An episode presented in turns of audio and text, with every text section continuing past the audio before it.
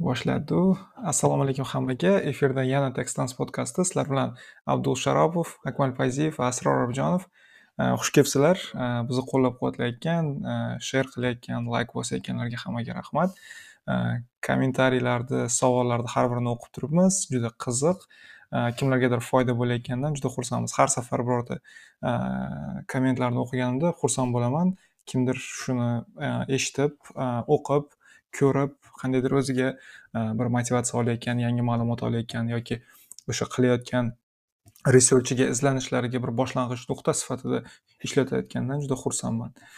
E, bugun boshlaydigan bo'lsak abdul gruziyada e, gurjistonda startaplarga aloqador konferensiyada qatnashyapti. Abdul bir og'iz aytib o'tadigan bo'lsangiz bizga va biz eshituvchilarga ham juda qiziq deb o'ylayman. Shu yerda startup central eurasia degan organizatsiya bor bular shu mana bu o'rta yevrosiyo degan deb tarjima qiladi mana bu eastern europe anaqa sharqiy yevropa ukraina gruziya ozarbayjon turkiya va o'rta osiyoni hammasini bitta gruppaga jamlab bu почти anaqa cis um, sovet ittifoqidan kelib chiqqan davlatlarni birgalashib ular har har bittasi bitta yo'lda ketyaptiyu bu oldingi sistemalardan birga innovatsiya va anaqa ochiqlik liberal economyga borib ketayotgan yo'lda hammasi. Shuning uchun shunaqa birgalashib anaqa regional fokus bilan qanaqa qilib birga rivojlansak bo'ladi deb shu konferensiya tashkil etiladi shu regional hamma fondlar kelib birga partnerство hamkorlik tuzib xudo xohlasa biz ham shu aloqa venturesni ham e, shu yerda aloqa ventures nomidan kelib e, hamkorlik tuzmoqchimiz boshqa fondlar bilan ifc bo'ladi e, jahon banki yevropa banki bo'ladi ebrd va boshqa fondlar bo'ladi. So xudo xohlasa yaxshi narsalar kelib chiqadi shu yerdan. Rahmat man ham qatnashmoqchi edim o'zi shu konferensiyada bilet ham olgan edim gruziyaga. Odamlarni mazalari bo'lmay поездкani отмена qildim tushunarli tushunarli. Sog' bo'lib sog'ayib ketsinlar tez orada. Abdul rahmat qisqa qilib aytganda startaplar bo'yicha konferensiya hamma davlatlar birgalikda bitta bo'lib rivojlanish bir masala umumiy bo'lib rivojlanish boshqa masala. Shu sababli bir katta hamma davlatlarni o'z ichiga olgan konferensiya. Tushundim yana bu haftani eng haligi e, nima deydi yengil yengil mavzulardan e, muhokamasidan o'tadigan bo'lsak e, bu haftani eng yorqin bir nimalaridan bittasi eng kamida nima deydi twitterda bu xolivorlarga sabab bo'layotgan mavzulardan bittasi.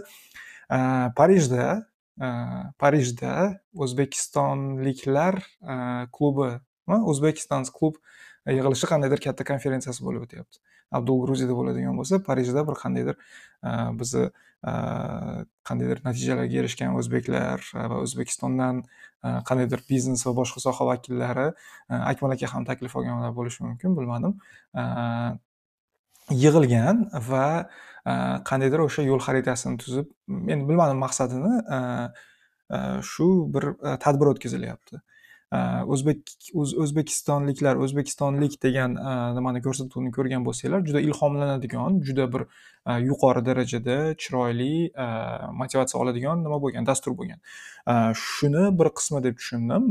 Yig'ilgan bu bu tarafdan bu juda yaxshi narsa ko'pchilik ha bunaqa narsalar qilish kerak. Mana o'zimiz ham akmal aka bilan juda ko'p suhbatlarimizda bir startaplar sohasida ham bir qanaqadir nima deydi bir e, akmal aka o'zi bir rok yulduzga aylanishi kerakda чтобы e, o'sha qishloqdan chiqayotgan birinchi sinfdan beshinchi sinfgacha birinchi sinfdan o'ninchi sinfgacha bo'lgan bolalarda e, miyasida bir qandaydir o'qishni bitirib bankka ishga kiraman yoki majburiy ijroga kiraman yoki soliqqa kiraman emasda o'qishni bitirib men shunaqa bir o'qishni davomida o'qishni bitirganimdan keyin shunaqa bir katta kompaniyani asos solamanki man startap qilamanki bu dunyoni o'zgartiradi hammani hayotini o'zgartiradi degan maqsad bo'lishi kerak degan shu ham shuni bir nimasi deyman deylik bir qanday misollarni olib chiqish masalasi. O'zbekistonlik chet elda taniqli o'zbekistonlik shu shuni shuni argumentida ikkinchi tarafida qandaydir aytish aytilyaptiki nimaga biz o'zbekistonliklarni faqat chet elga sursagina chet elga ketsagina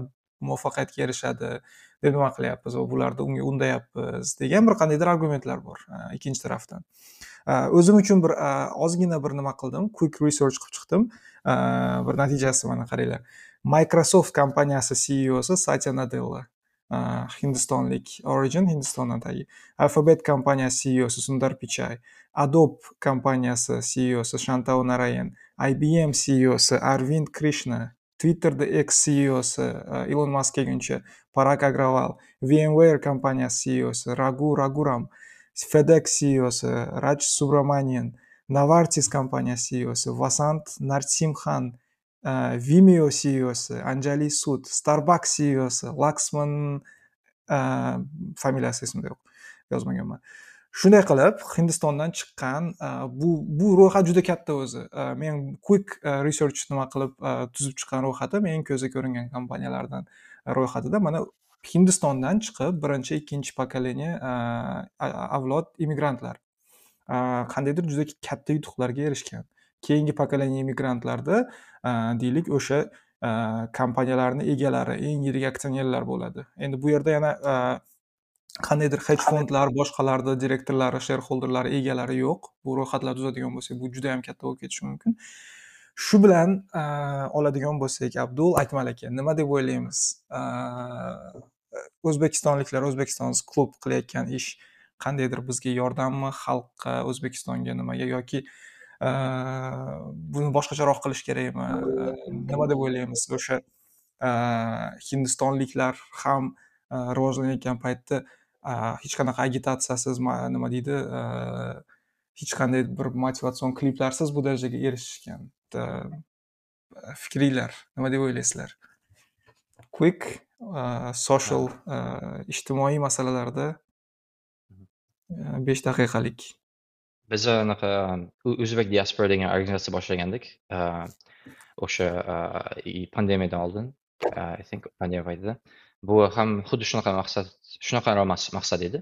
Lekin bunaqa media e, siz edi anaqa ko'proq tashqaridagi yashagan o'zi hammamiz e, ular nyu yorkda yoki germaniyada yoki singapurda yashab turib e, hammamiz o'zimiz uchun anaqa bunaqa shunaqa kontent yaratib most intervyu bo'lishi kerakda intervyular bilan mana bunaqa o'sha o'zbeklar nima qilyapti va bir biriga o'zbekistonlik o'zbekistondagilar uchun emas o'sha diaspora boshqa joylarda yashayotganlar uchun qanaqa networking va anaqa bular qanaqa qilib shu shu joyga erishgan va qanaqa qilib shu o'zbekistondan chiqib ketganlar bir biri bilan bir biriga yordam berib balki o'zbekistonga ham foyda berishi mumkin qachondir vaqtda.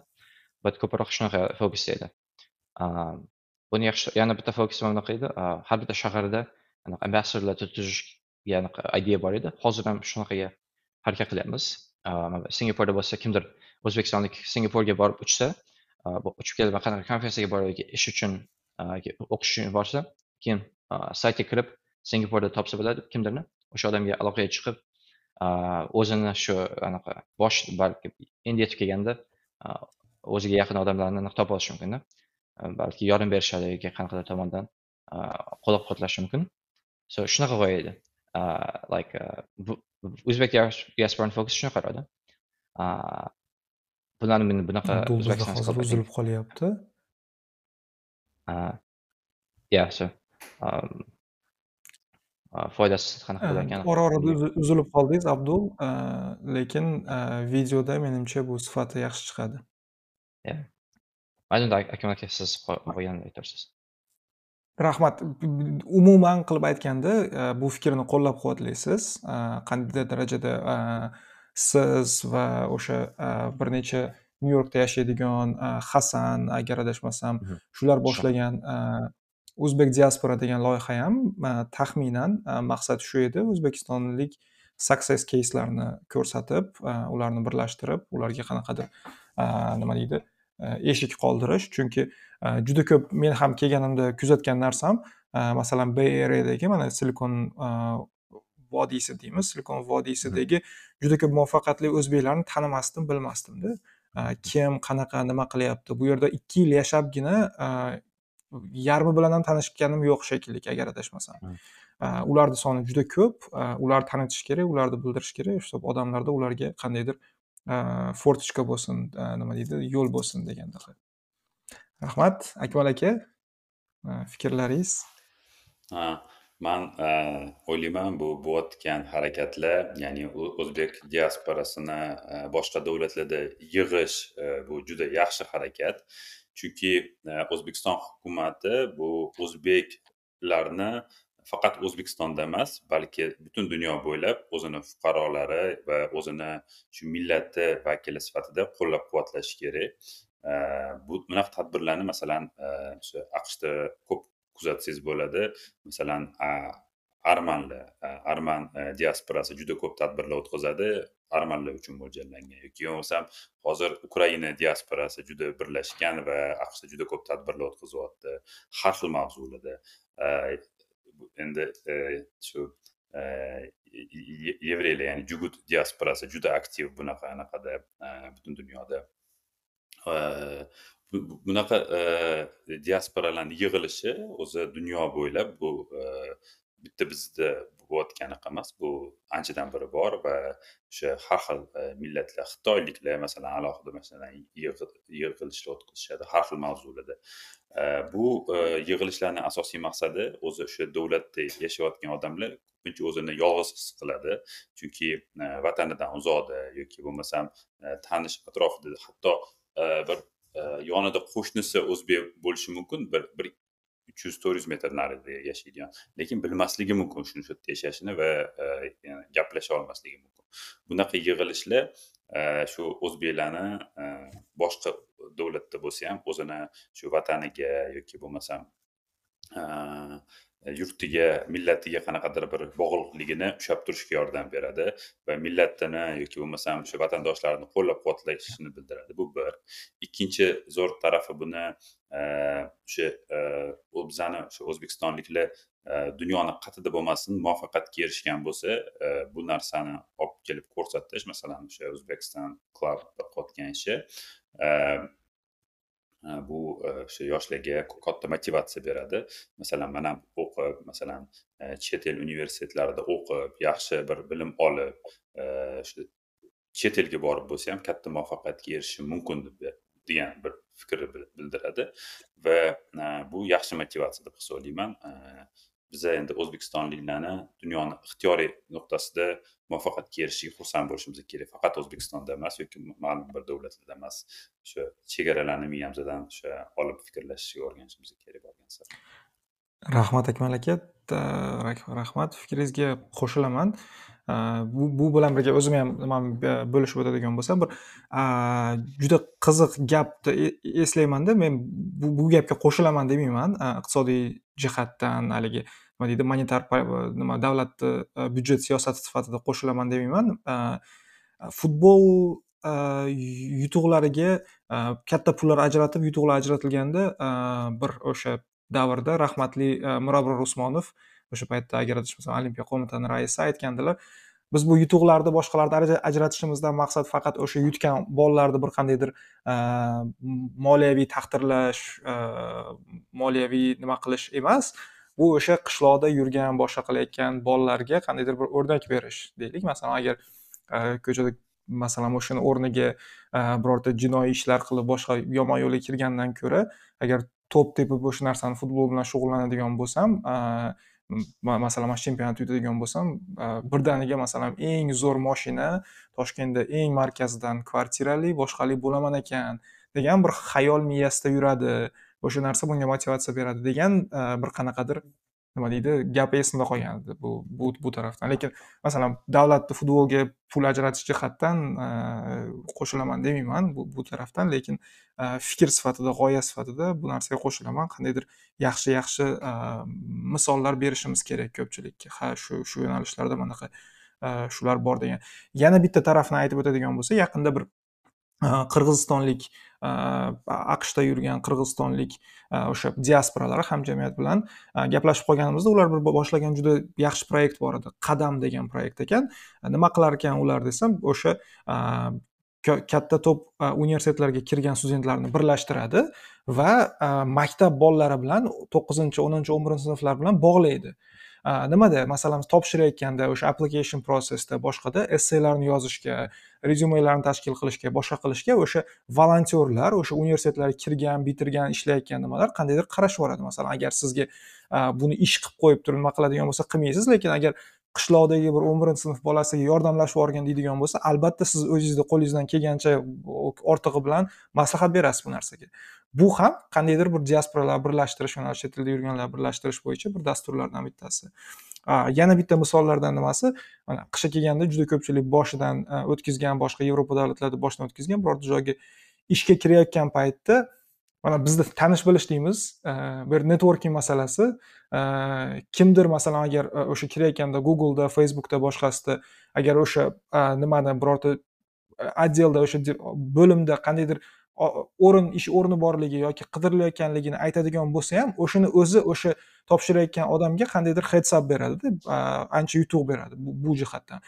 Shu sababli masalan kim qayerda nima sohada ishlashini boshqasini bilsangiz masalan shu odamga hey men o'zbekistonlikman toshkentdanman yoki andijondanman siz ham shu yerdan ekansiz ko'rdim mana shu yerga topshirayotgandim nima deb o'ylaysiz fikrlaringiz bilan bo'lishing deydigan bo'lsa o'sha odamga hech narsa emasda masalan o'sha bolani tavsiya qilib yuborish mana mana shu yerdan o'zbekistonlik ekan yoki manaqa nima ekan deb turib ozgina so'z bilan gap bilan boshqa bilan yordam berib yuborish bu deyarli nima emas. Даже o'sha maslahat bergan odam ba'zi bir kompaniyalarda siyosati shunaqaki yuridik firmalarda ikki yil oldin o'sha hiring juda katta stejga chiqqanda bitta kandidatga agar siz maslahat berib o'shani refer qilib olib keladigan bo'lsangiz sizni refer qilgan odam yuridik firmani ichidagi odam. Ellik ming aqsh dollari olganda. То есть unga ham bunga ham foyda demoqchiman. Shu tarafdan masalan kim qayerda ishlayotganligini nima nima sohada ishlayotganligini nima ishlar qilayotganligini biladigan bo'lsak menimcha hammaga foyda bo'ladi. Bu nuqtai nazardan bundan tashqari yana juda katta foydasi masalan ayrim sohalarda mana sotsial zinapoya degan tushuncha bor. Sotsial zinapoya nima?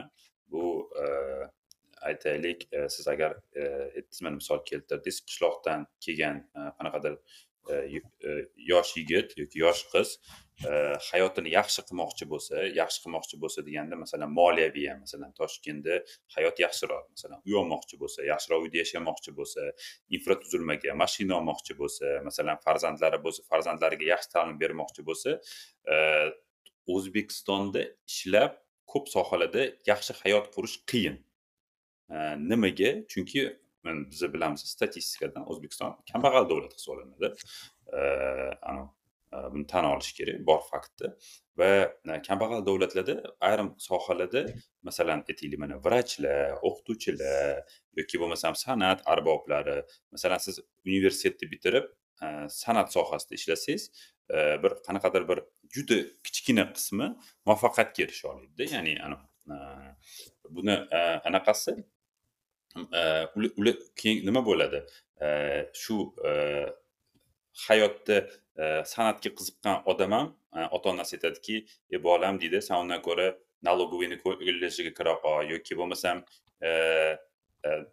narxozga kira qol yoki bo'lmasam bir hokimiyatda ishlagan hokimiyatda ishlaganlarni ishi yaxshi bo'lyapti. Chunki mana anavi amakini qizi rassom bo'luvdi. E, oilasini masalan qiynalyapti pul topishga ish topolmayapti yoki e, amakivachchasini e, aytaylik doktor bo'luvdi mana haligacha o'sha poliklinikada o'tiribdi. Aytmoqchimanki misollar ko'pda juda o'sha anaqa kambag'al davlatlarda sotsial zinapoyadan ko'tarilish ko'p sohalar masalan kam pul to'lanadigan sohalar juda ko'p. Shuning uchun bularga o'zini orzularini boy bermasdan masalan bunaqa misollar yaxshi davlatlarda o'zini orzularini amalga oshirishga yordam beradi. Odamzod tug'ilayotganda umri bir marta berilsa u o'zini o'sha e, baxtli va o'sha o'zini e, orzularini amalga oshirib yashashi kerak. Uni tug'ilganda majbur emas bir davlatda umrini oxirigacha yashashda e, o'zini to'liq namoyon qilish kerak shuning uchun e, bunaqangi misollarni ko'rish aytadi voy deydi. Mana e, masalan o'zbekiston o'sha o'zbekiston club ko'rgan aytadiki voy deydi mana kosmosga qiziqardim. E, Bo'larkanu mana germaniyaga borib yoki amerikada shunaqangi bir kompaniya qilsa o'qisa yoki bo'lmasam man e, lетчик bo'lmoqchi edim. Mana man davlatda o'qib shunaqa bo'lsa bo'larkan. Yoki man rassom bo'lmoqchi edim lekin ota onamni qo'rqitardi rassom bo'lsam masalan e, bolamni boqolmay oilamni boqolmay qiynalib yashayman kambag'al yashayman deb masalan e, mana bu davlatlarda rassomlarga yaxshi anaqa ish bor ekan yoki bo'lmasam yaxshi yashayotgan deb misollar bo'ladi. Ya'ni e, shu chegara o'zbekistonlik faqat o'zbekiston emasligini ko'rsatib berish kerak. Sizlar masalan biror narsada orzu qilsanglarda bunda don't give up deydi. Ya'ni orzularinglarni oddiy tez nima edi orzularinglardan voz kechmanglar taslim bo'lmanglar sizlar uchun yana masalan oonni yana bir yuz to'qson beshta davlatda bor o'zi davlatlar ko'pu masalan ikki yuz qancha qirqtami elliktami masalan yana davlatlar bor u davlatlarda balki sizlarni orzu qilgan sohanglarda yaxshiroq hayot kechirish mumkin ya'ni sizlarni masalan aytaylik ota onanglarni kutgan narsasi bilan sizlarni orzularinglarni jamlantirsa bo'ladigan joylar bor masalan deb ko'rsatsa bo'ladi. Chunki rivojlangan davlatlarda mana shu sotsial pog'onalardan tezroq ko'tarilsa bo'ladi. Agar sizda o'z ustingizda ishlasangiz sizda qiziqish bo'lsa ya'ni qattiqroq mehnat qilsangiz shu sotsial anaqa pog'onalardan ko'tarilishingiz rivojlanmagan yo rivojlanayotgan davlatlarga nisbatan tezroq bo'lishi. Rahmat akmal aka. Juda qiziq suhbat. Ko'pchilik eshitib bundan o'ziga bir nima oladi degan umiddaman. Yana bir aytib o'tish kerakki endi buni bir nima tarafi men ham har doim qo'llab quvvatlagan narsalardan bittasi.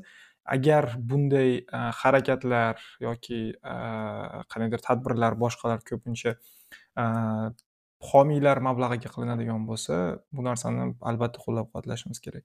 Endi byudjetdan e, o'tirib parlamentga olib chiqib olib urushib muhokama qilishimiz kerak. Masalan e, qancha bu tarafga pul sarflashimiz kerak qancha bu tarafga pul sarflashimiz kerak degan. Lekin endi byudjetda sarf qilinadigan juda ko'plab boshqa xarajatlardan ko'ra menimcha mantiqli xarajatlar ko'proq biz muhokama qilib bu narsani nima qilishimiz uchun rahmat yana bir keyingi mavzuyimizga o'tadigan bo'lsak akmal aka bilan bu mavzuni silikon vodiysida ham yurgan paytimizda juda ko'p muhokama qilganmiz aynan menejerlar masalasi boshqaruv klassi boshqaruv sinfi hozir akmal aka o'zi boshqaruvda teslaning eng yirik boshqaruvchisi teslani ceosi deylik ceo emas uni agar adashmasam teslada ilon maskni rasmiy nimasi lavozimi tekno king. Ssga ro'yxatga nimaga ma'lumotni yuborishganda ceo yoki prezident emas tekno king deb nima qilishgan yuborgan. Agar adashmasam bu official position edi unda. Rasmiy lavozim ilon mask xo'sh e, shu tekna kingimiz e, tesla kompaniyasini tekna kingini shareholderlari e, aksiyadorlari bir guruh aksiyadorlari umumiy hisobda bir yarim milliard aqsh dollari aksiyasini ushlab turuvchilar bir yarim milliard aqsh dollari qiymatiga ega aksiyani ushlab turuvchilar. Tesla boshqaruv direktorlar kengashiga xat yozgan. Ilon mask juda ko'p narsaga e'tiborini qaratyapti. Shu sababli ilon maskni e, yoki ishga qaytarishi yoki e, ishdan ketishi e, masalasini ko'tarishni so'rab yozib qolishgan. Shu bilan birga aytib o'tish kerakki ilon mask hozirni o'zida teslada o'tgan safar muhokama qilish qilmoqchi bo'lgan masalalarimizdan bittasi muhokama qilmadik agar adashmasam. Starship nima spacex kompaniyasini boshqaruvida va hozir yana twitter kompaniyasini boshqaruvida va undan tashqari nima edi haligi kompaniyasi neuralink neuralink kompaniyasini boshqaruvida va undan tashqari yana bir nechta loyihalari bor mana openaiga ham qandaydir moliyaviy mablag' bergan menimcha boshqaruvda ishtirok etmaydi lekin boshqa ko'plab ko'plab nimalari bor. Э, даже shu darajaga yetdiki э, twitterda э, shaxsan o'zi har bir postni o'qib postni olib tashlash yoki olib tashlamaslik bo'yicha redaktor lavozimida o'tiribdi degan nimalar ham hazillar ham yurgan edi. Shu sababli meni ham tajribamda ko'p uchrataman.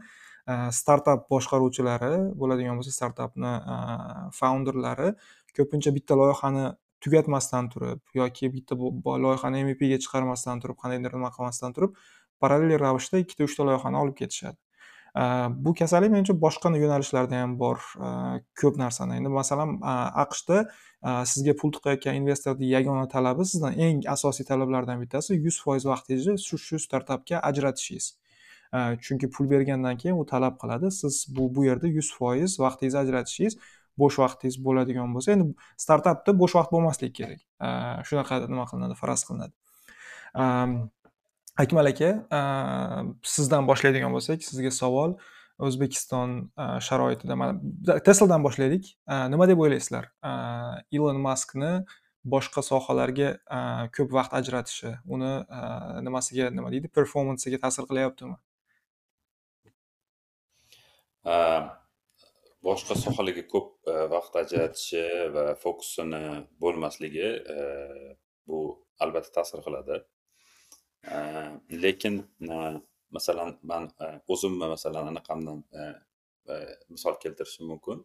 Ya'ni o'sha boshqaruv stilimdan bitta kompaniyaga doim fokus qilish bir xillada qiyin bo'lishi mumkin. Ya'ni odamni anaqasiga bog'liq ya'ni xarakteriga masalan ikkita bilan bo'lishi mumkin ikkita kompaniya. Chunki aytaylik ceo qanaqadir vaqtda bu endi operativ boshqaruv lekin qaysidir ma'noda bu strategik boshqaruv hamda e, kompaniyani e, o'sha e, уровениga qarab. Agar siz juda ko'p ichida bo'lsangiz siz juda ko'p operativ boshqaruvga kirib ketib masalan kompaniyada shu boshqa chief leveldagi ya'ni c e, leveldagi e, odamlarni ishiga aralashishingiz mumkin va bu e, kompaniyani masalan qanaqadir ma'noda mustaqil o'zi sizsiz qaysidir bo'lim bilan ishlashiga ham xalaqit qilishi mumkin. Chunki man o'zimni tajribamda ko'raman bir xillarda juda ko'p kirishib ketib qolsam borib marketingga aralashishim mumkin yoki borib masalan logistikaga ko'p aralashishim mumkin va buni natijasida qanaqadir qarorlar qabul qilib kelaman u yerda va u qarorlarga javobgarlik qaror qabul qilgan odamlarda bo'ladida e, uni o'sha boshliqlarda emas bu noto'g'ri narsa. O'shaning uchun bilish kerak qayerda masalan qaror qabul qilish kerak qayerda o'sha e, menejerlarni coaching qilish kerak ya'ni ularni qaror qabul qilishga yordam berish kerak e, shu narsani anaqa balansni ushlash kerak. Bir xillarda shu ikkita uchta anaqa bo'lishi mumkin lekin bu nima deydi har bir kompaniya va har bir e, boshqaruv bu e, unikal individual. Bu yerda qanaqadir bir formula yoki mana shunaqa bo'lishi kerak deb aytib bo'lmaydi. Hozir siz manga bitta best case aytsangiz man e, yana boshqa argument boshqa best case berishim mumkin. Aytaylik tesla paydo bo'lganda ham hozirgi kunga kelguncha ham ilon mask multi kompaniyalarni boshqarib kelgan shu kungacha hamda masalan o'sha neuralink E, neuralink keyin spacex bu kecha paydo bo'lgan kompaniyalar emas ularni hozir e, o'sha tashvishi shundan iboratki e, tashvishi shundan iboratki bugungi kunda teslada juda katta konkurensiya paydo bo'lyapti. Ya'ni xitoy kompaniyalari hozir umumiy olib qaraganda o'sha elektr avtomobillar bozorini eng katta qismini xitoy kompaniyalari egallayapti va bu e, urushda hozir e, teslani qilayotgan strategiyasi bu narx tushirish bo'lyapti. E, narx tushirish bu raqamlarni chiroyli ko'rsatib berishi mumkin ya'ni moshinalar sonida yo market ya'ni bozor qismida. Lekin investorlarni masalan o'sha foydaga yo investorlarni qiziqishiga zarar. Ya'ni narx tushirishda nima bo'ladi? Foyda yo'qoladi.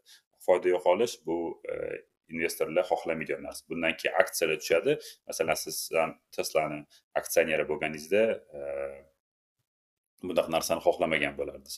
Shuning uchun uh, bir tomondan aksionerlarni anaqasini to'g'ri deb hisoblayman. Uh, Chaqirayotgan bir anaqasi chaqirig'i.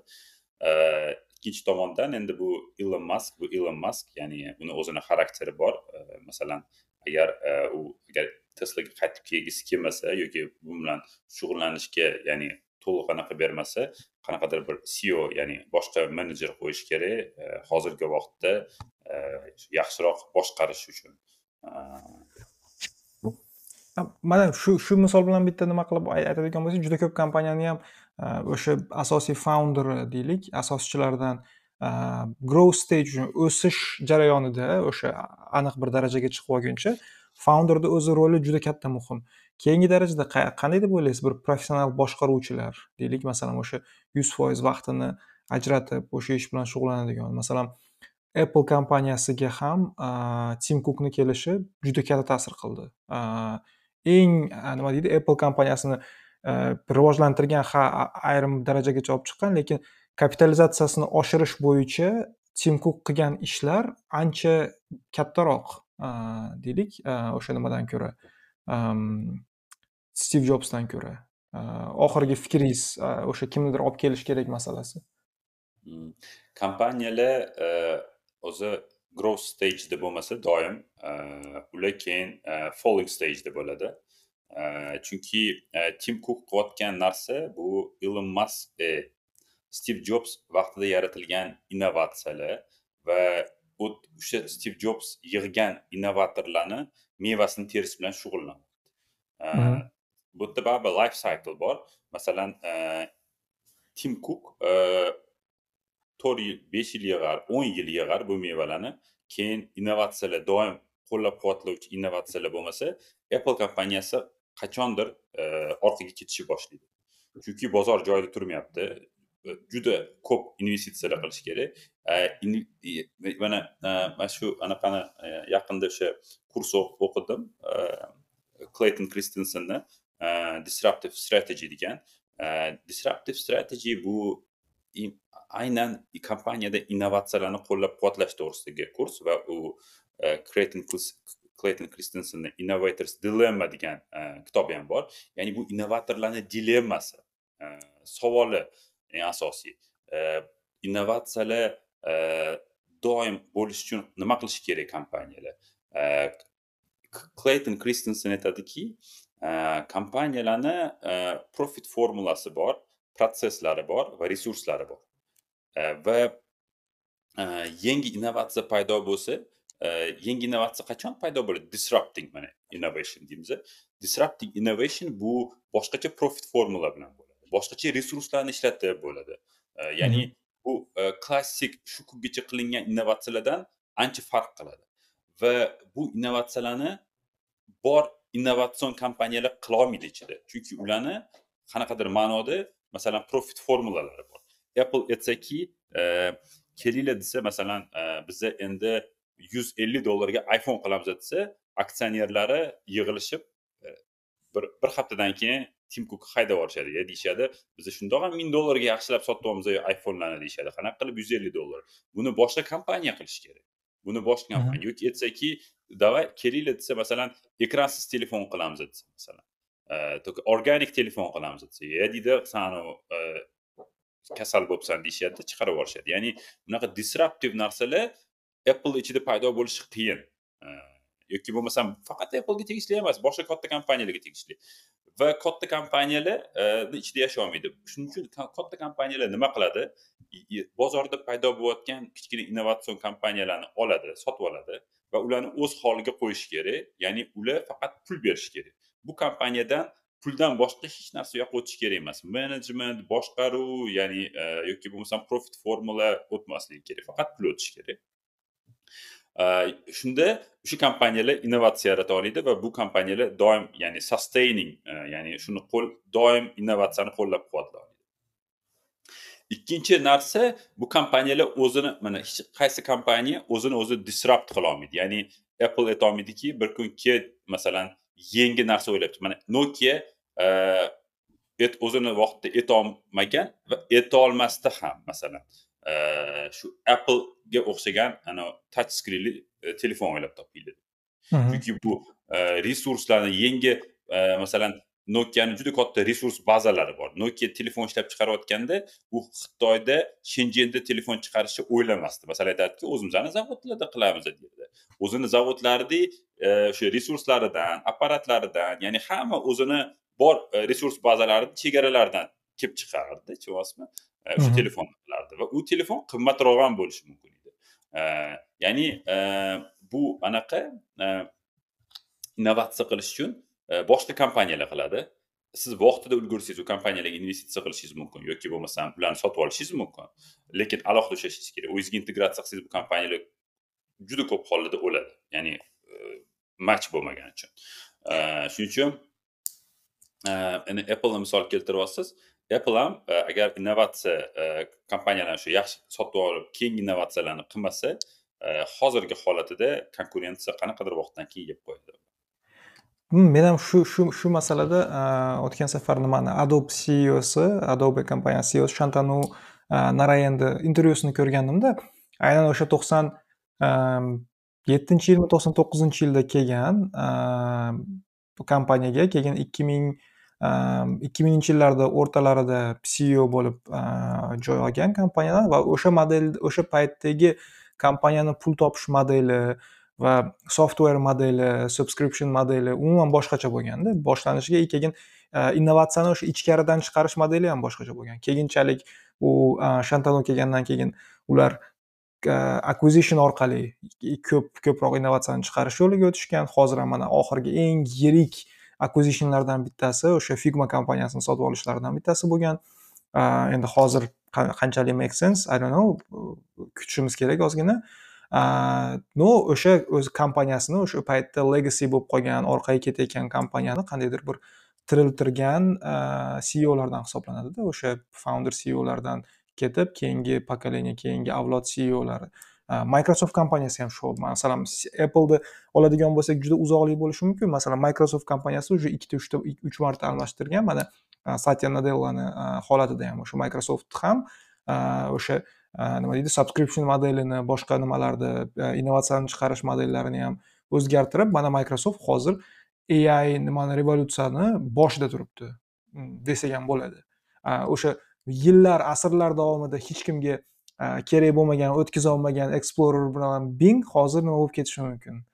Nima deydi? Asosiy brauzerlarga aylanishi mumkin. e'tibor berib qarasangiz microsoft o'zi o'ylab topgani yo'q microsoft to'ppa to'g'ri. vaqtida сделка qildi. Ya'ni openaiga vaqtida investitsiya qildi.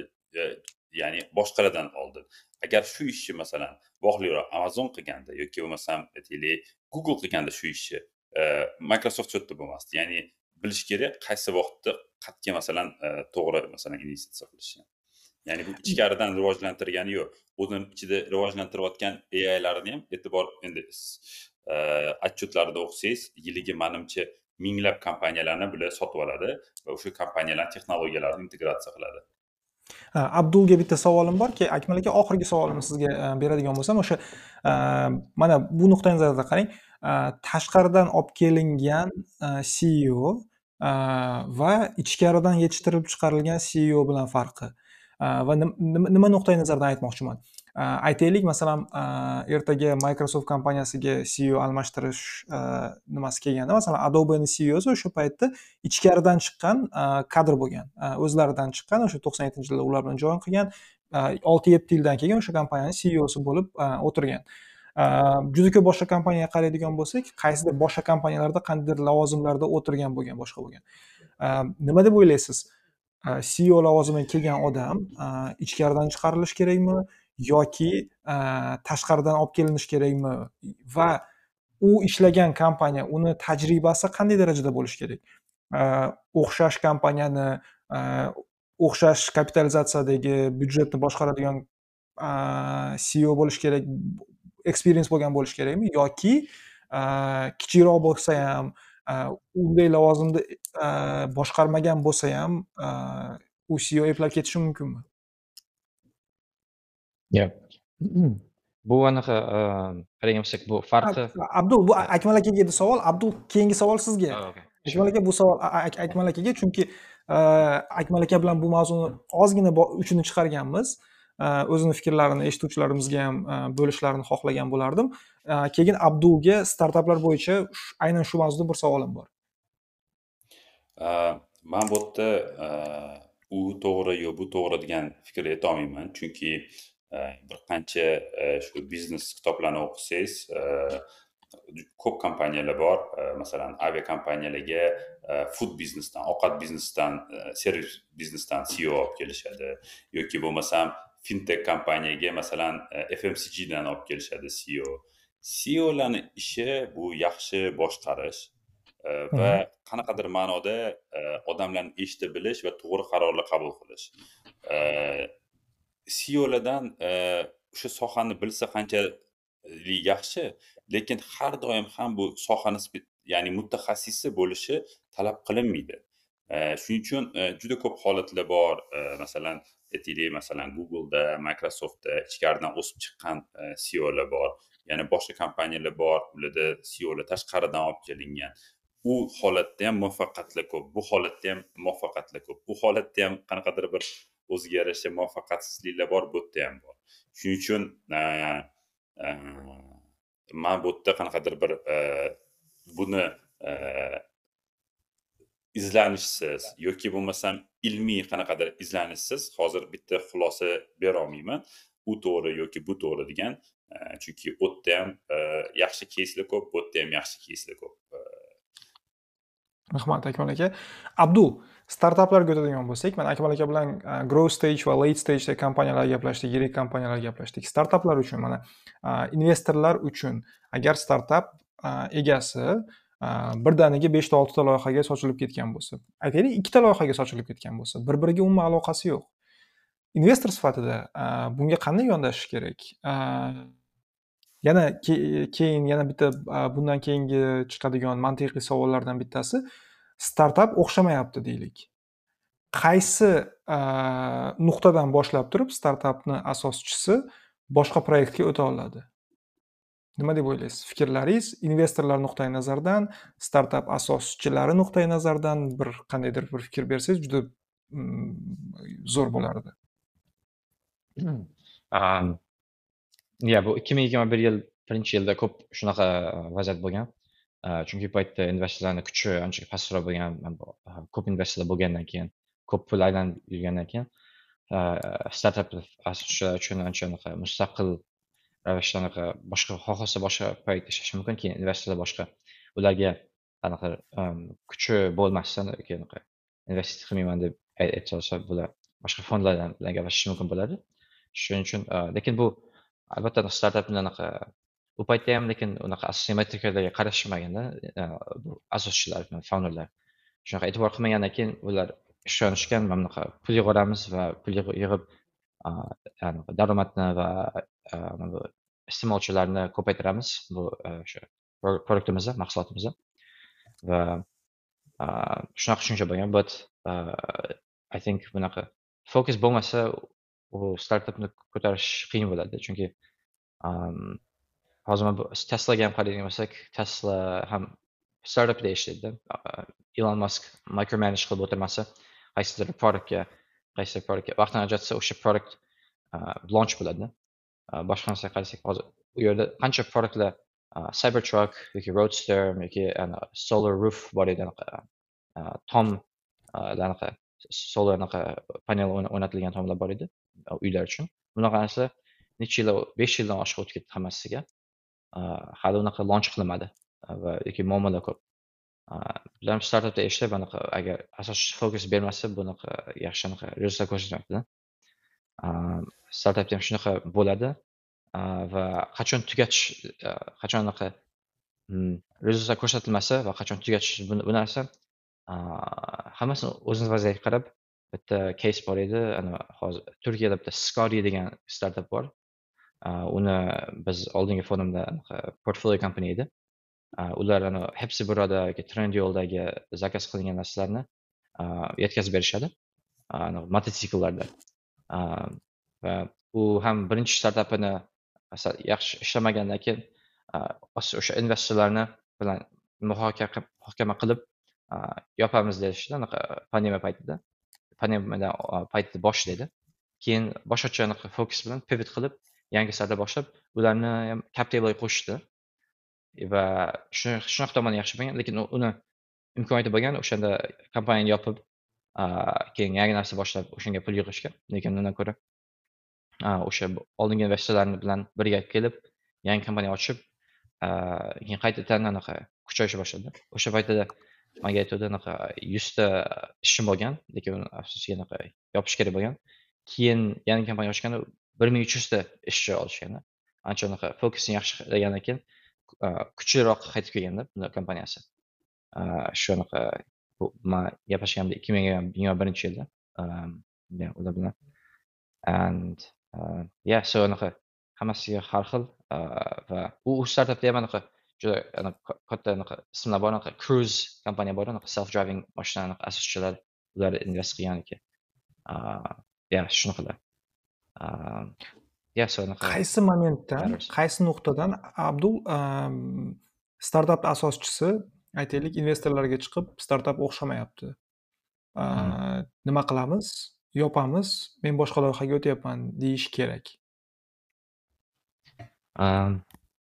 Yaxshi tomoni mana bu agar fond well pul qolmaganda ham aytsa bo'ladi. Вот agar mana bunaqa matrixga qarab mana bir dollar kiritsak bu unit economicsdan qaytib kelyapti yoki yangi yuzerlarga bu cost anaqa yangi iste'molchi jalb qilish qimmatlashib ketyapti. Shunaqa narsa bo'lgandan keyin balki bunaqa narsa agar qimmatlashib ketsa yangi iste'molchi olish u unit economicsga har bitta tranzaksiyaga ta'sir qilishi mumkinda ular kelib kirgan iste'molchi yetarlicha ishlatmasa sizni shu produktingizni then maybe foydasi yo'qda bu produktga ko'proq investitsiya kiritishdan. Chunki bu o'solmay qolasiz o'sha joyida qolib ketadi keyin balki o'sha o'sha paytida agar pul qolgan bo'lsa o'sha bilan investorlar bilan gaplashib maybe qolgan pulni qaytarib berish mumkin or investorlar bilan gaplashish mumkinda. Yaxshi tomoni o'sha pul bor paytida gaplashsa then uh, you know anaqa shu metrikaga qarab o'sish qiyin bo'lyapti balki nima qilsak bo'ladi? Yani investorlar rozi bo'lishi mumkin. Balki uni pulni qaytarib olamiz and then um, bo'la olishadi. Yoki um, balki yana ishlab ko'ring E, ko'rish kerak anaqa shu narsalar bilan.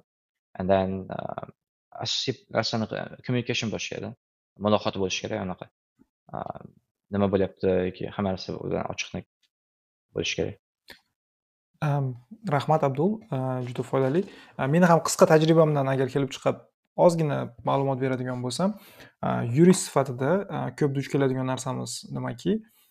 Kompaniyani o'sha likvidatsiya stadiyasida duch kelamiz bu narsaga. Kompaniya yopilyapti kelinglar nima qilamiz deb shu shu stadiyada ko'pincha investorlar kompaniya asoschilaridan o'sha startap asoschisidan nimani so'rab qoladiki agar shunday nuqtaga kelgan bo'lsang o'sha oldinga qarab harakatni foydasi yo'qligini tushungan bo'lsang qancha erto ertaroq bizga keladigan bo'lsang shuncha yaxshi deydi.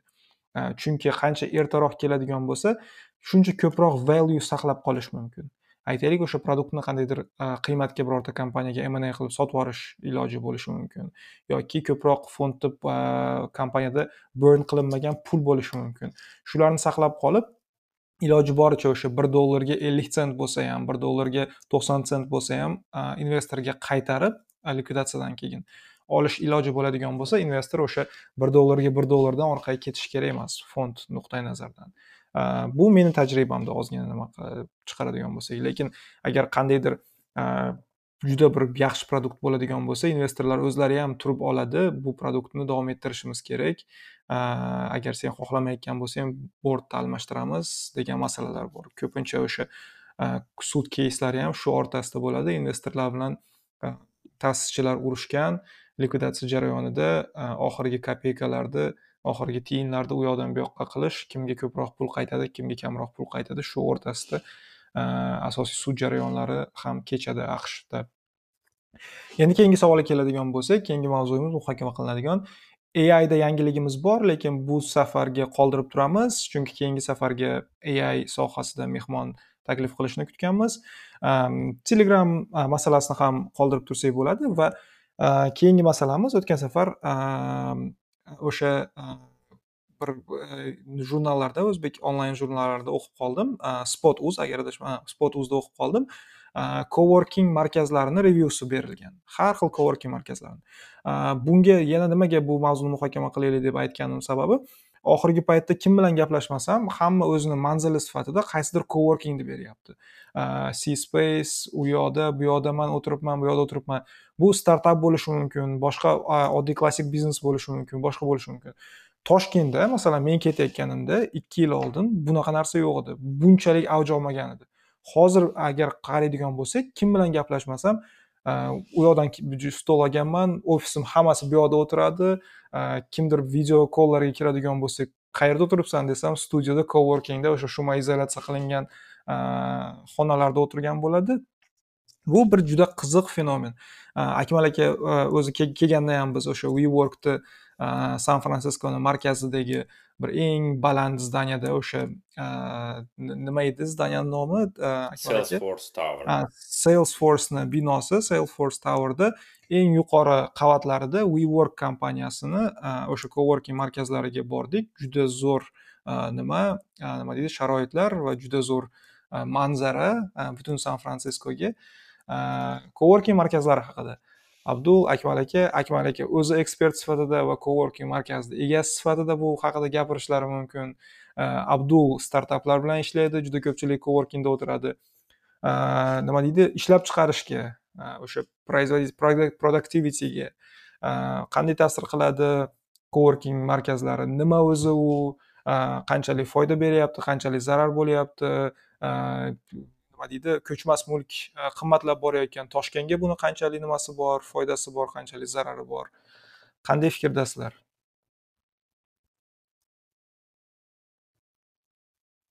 Akmal aka boshlab bersangiz bo'laveradi bu mavzuda. Betni o'zingiz olsangiz bo'laveradi bemalol. Hozir o'tirgan joyim ham coworkingda o'tiribman. Impact alohida xonasida. Akmal aka bizga reklamaga pul bermadi lekin yo'q siz o'tirgan to'g'risida aytdingiz man ham qayerda o'tirganimni coworking markazlarini o'zi farqi nima farqi bor? Nimaga bu talab paydo bo'lyapti coworkingga? Birinchi o'sha dunyoda bo'layotgan trendlardan bittasi bu shu onlayn ishlash ya'ni distansion ishlash. Ya'ni hozir masalan bizani kompaniyada ham bir e, ikki hafta oldin e, juda e, ko'p yomg'ir yog'dida terrasadan suv o'tdi ozginada past etajga. Va o'sha etajda ozgina remont qilish uchun bir haftaga dasturchilarni hammasini bitta etajni onlayn ishga yubordi ya'ni uylardan ishlayveringlar xohlagan joydan deb. Ya'ni bu narsa masalan pandemiyadan oldin qiyin edi bunaqa etish chunki pandemiyadan oldin biza onlayn ishlash yoki bo'lmasam masofadan ishlashni uncha bilmasdik bitta ikkita xodimimiz ishlardiyu lekin pandemiya bizani qanaqa qilib onlayn ishlashga o'rgatdi. Hozir masalan dasturchilar olsak onlayn ya'ni masofadan ham oboramiz va bir qancha masofadan ishlaydigan e, xodimlarimiz bor. Buni hech anaqa muammo joyi. yo'q shu e, pandemiyadan keyin ya'ni onlayn ishlash paydo bo'lgandan keyin dunyoni ko'p kompaniyalari boshqa davlatlardan e, xodimlar olishni boshladi. Masalan e, amerikada ham juda ko'p startaplar paydo bo'ldi. Talantlarni ya'ni dasturchilarni yoki har xil xodimlarni boshqa davlatlardan ya'ni ingliz tilida gapiruvchiman filippin meksikadan shu amerikaga yaqin davlatlardan vaqt zonalari bo'yicha kanadadan olishga maxsus mutaxassislashgan kompaniyalar juda ko'p paydo bo'ldi.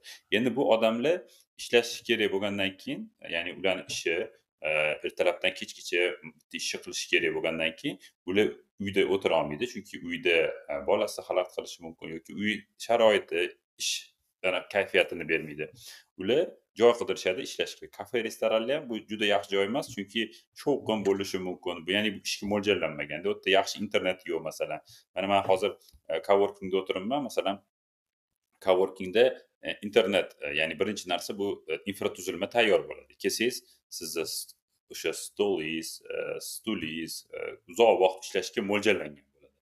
Kafelarda har doim uzoq vaqt o'tirishga mo'ljallanmagan bu narsa. Kafeni biznes modeli mijoz kirib tez tez chiqib ketsa yoki kirgan vaqtda ko'p narsa olsa shunga mo'ljallangan. Coworkinglar bular uzoq muddat ishlashga mo'ljallangan. Shuning uchun e, shu pandemiyadan keyin ko'p o'sha e, komandalar e, ofisga muhtojlik his qilmagandan keyin ular kerak vaqtda ishlab kerak vaqtda uydan yo boshqa davlatlarda ishlash paydo bo'lgandan keyin shunaqa coworkingga talab oshdi. Bu birinchi anaqasi sababi. Ikkinchi sababi bu startaplar paydo bo'layotganda yoki bo'lmasam kompaniyalar qanaqadir bo'limlar tashkil qilayotganda masalan bizada katta katta kompaniyalarni bo'limlari ham o'tiradi. Masalan tbc bank aytaylik yoki bo'lmasam qanaqadir bir katta yana tashkilotlar treninglar o'tkazmoqchi yoki mikrogruppalar tuzyapti. Masalan qanaqadir loyihalar uchun. Ular o'zini ofisida emasda tashqarida qilishi mumkin bu narsani alohida bu e, kichik proyektlarga yoki kompaniya ichidagi startaplarga e, joy qilmaydida tashqarida masalan to'rt besh o'n odamli e, joyi ijaraga olib o'sha vaqtinchalik gruppalar bo'lishi mumkin. To'rt oylik besh oylik olti oylik proyektniy gruppalarga alohida mebel sotib olmaydi internet o'tkazmaydida shu coworkingdan joy olish mumkin. Coworking plyus tarafi shundaki siz bugun kelib shartnoma qilib bugundan shu yerda ishlashni boshlashingiz mumkin.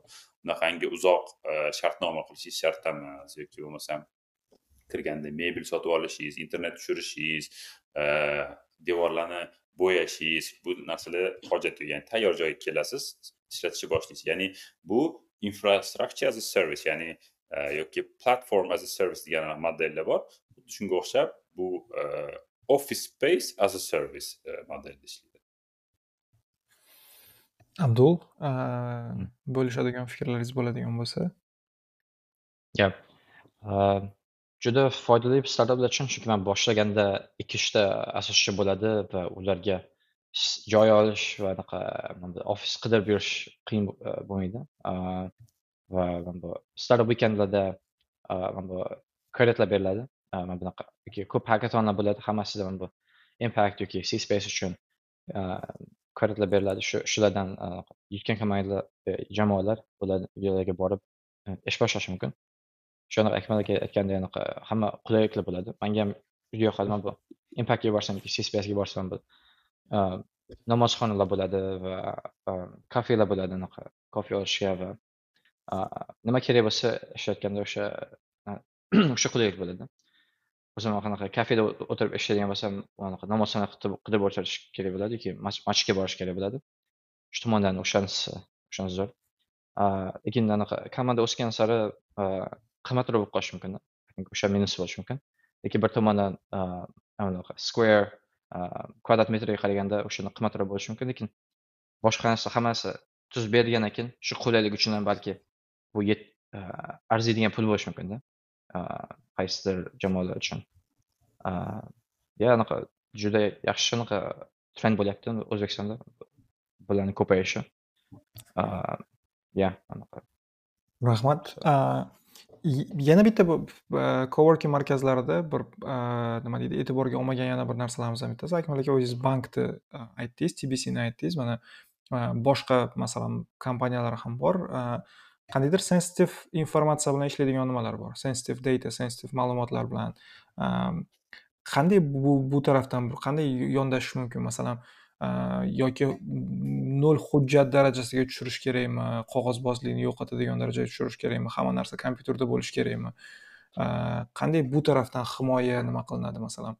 Э, o'sha nima deydi umumiy e, ishlaydigan xonalarga hammani nimasi bor? Hamma kira oladi hamma ko'ra oladi e, ishlatishi mumkin deylik. O'sha e, industrialniy shpionaj masalalari ham bor buni ichida nima deb o'ylaysizlar? Bu narsalarni men men bu narsaga nimaga kelganim masalan bitta ikkita davlatda o'qiganimda davlat ishlari ham o'sha akmal aka aytgandek qanaqadir ad hoc o'sha bir qandaydir yangi bo'linmalar tuzilmalar tuzilganda bir tez muddatga coworkinglardan ham joy olishar ekanda meni bir o'qiganim research qilganim natijasida kichkina coworkinglardan olib tezda o'sha davlatni bir strukturalarni ham ishga tushirishib yuborar ekan shu orqali.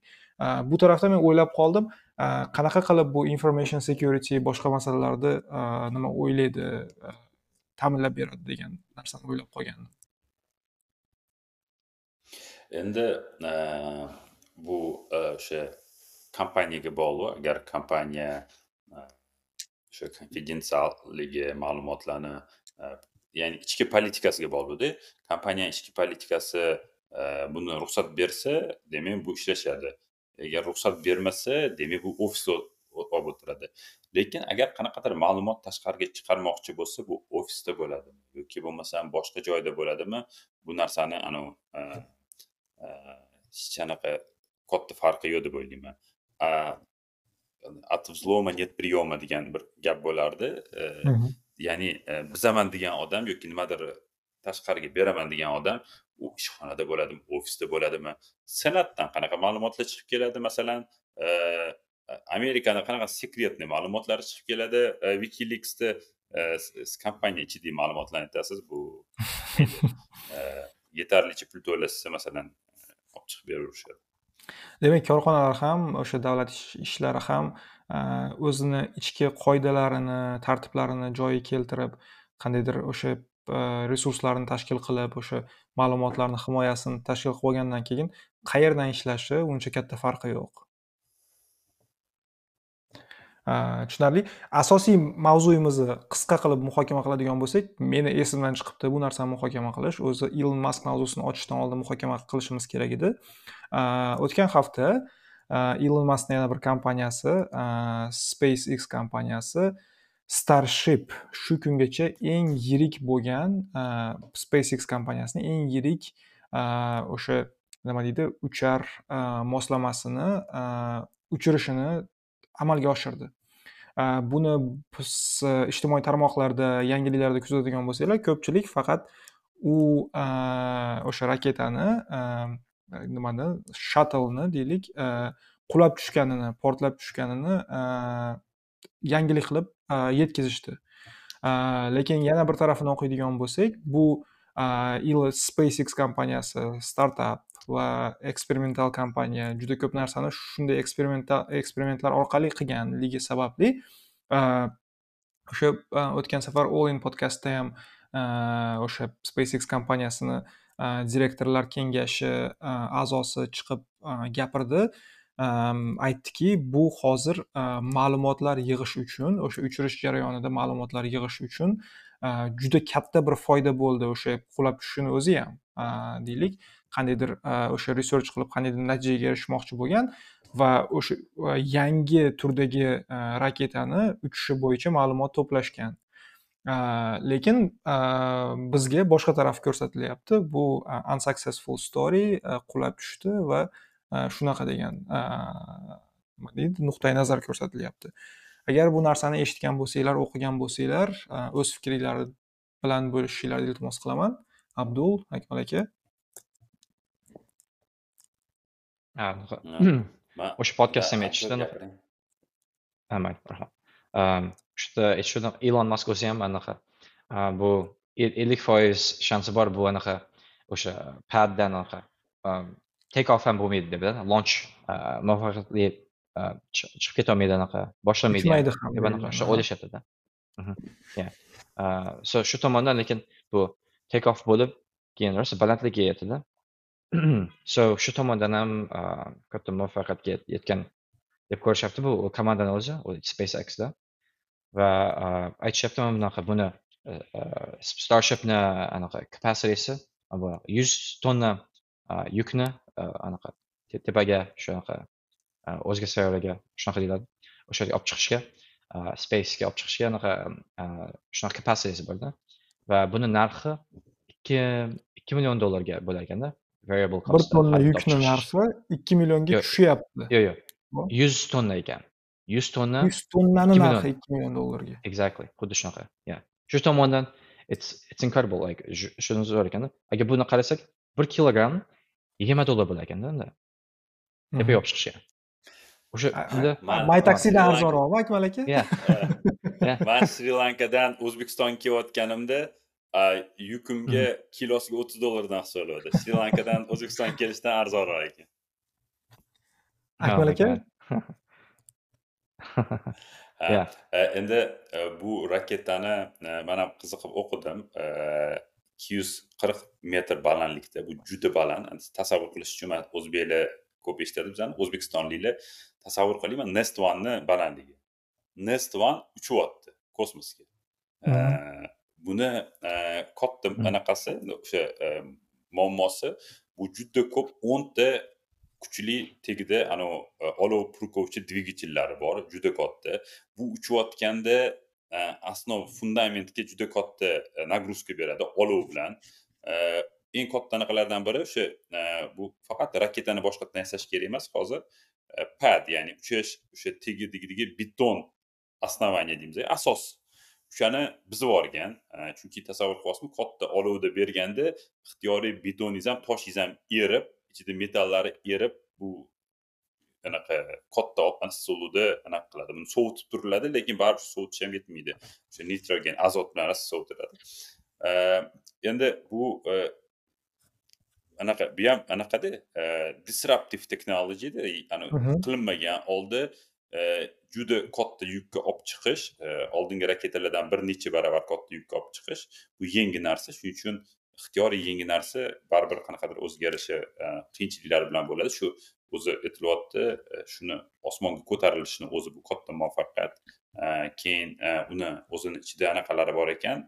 Agar o'xshamasa qanaqadir muammo chiqsa o'zini o'zi portlatar. Ekan mayda bo'laklarga bo'lib tashlar ekan bu samolyot e raketa katta yaxli tushsa bu katta zarar berishi mumkin ekanda. Shuning uchun raketa o'zini o'zi maydalab tashlayotgan shu bo'limlarda hamma yoqda mikro portlashlar bo'lar ekan.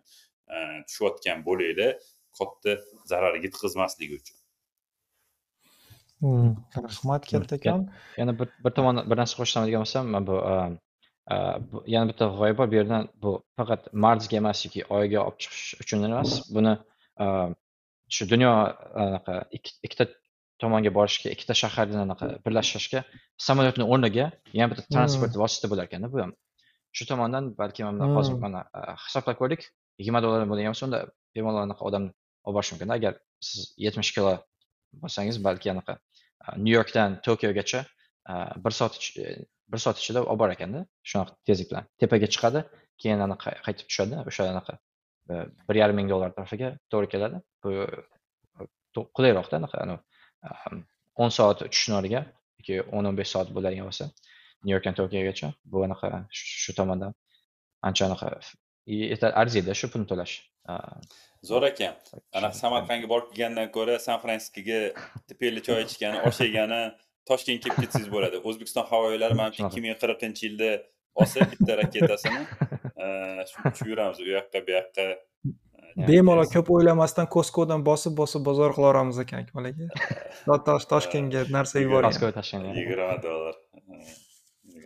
O'zi hamma hozirgi disruptive technologiyada innovatsiyalar bo'layotganlar hamma narsani o'sha marginal costini deydi narxi o'sha marginal narxini tushirishga qarab ketyapti. Masalan quyosh energiyasi e'tibor berayotgan bo'lsanglar o'sha transportirovka elektroenergiya ham mana nimaga ketyapti. Undan keyingi stageda hozir mana quantum computing nimasi umuman computing power nimasidan chiqadigan bo'lsak yaqinda o'sha ai texnologiyasi ham oddiy maktab o'quvchisiga ham bir nima bo'lib nima deydi available bo'ladi. Rahmat kattaga. Rahmat hammaga. Men charchaganim bilinyapti. Rahmat hammaga kuzatuvchilarimizga keyingi sonlarda uchrashguncha. Akmal aka abdul rahmat. rahmat. Sog' bo'linglar. yana bitta narsa so'ramoqchi edim. Shu kommentariyalarda eshitayotganlar bizada kommentariya qoldirishlarini tushunarli bo'lyaptimi? Bizani terminologiya tilimiz shu terminlar ishlatsak bo'ladimi yoki bo'lmasam yana ham bir xillarda anavi chaynab gapirish kerakmi shu to'g'risida fikr bildirishsa keyin yana qaysi mavzular qiziq ularni ham bir e, yozishsa o'sha mavzularni ham keyin kun tartibiga olishimiz mumkin. Rahmat hammaga hmm. vaqt uchun. Rahmat akmal aka. Abdul sog' bo'linglar. Ho'p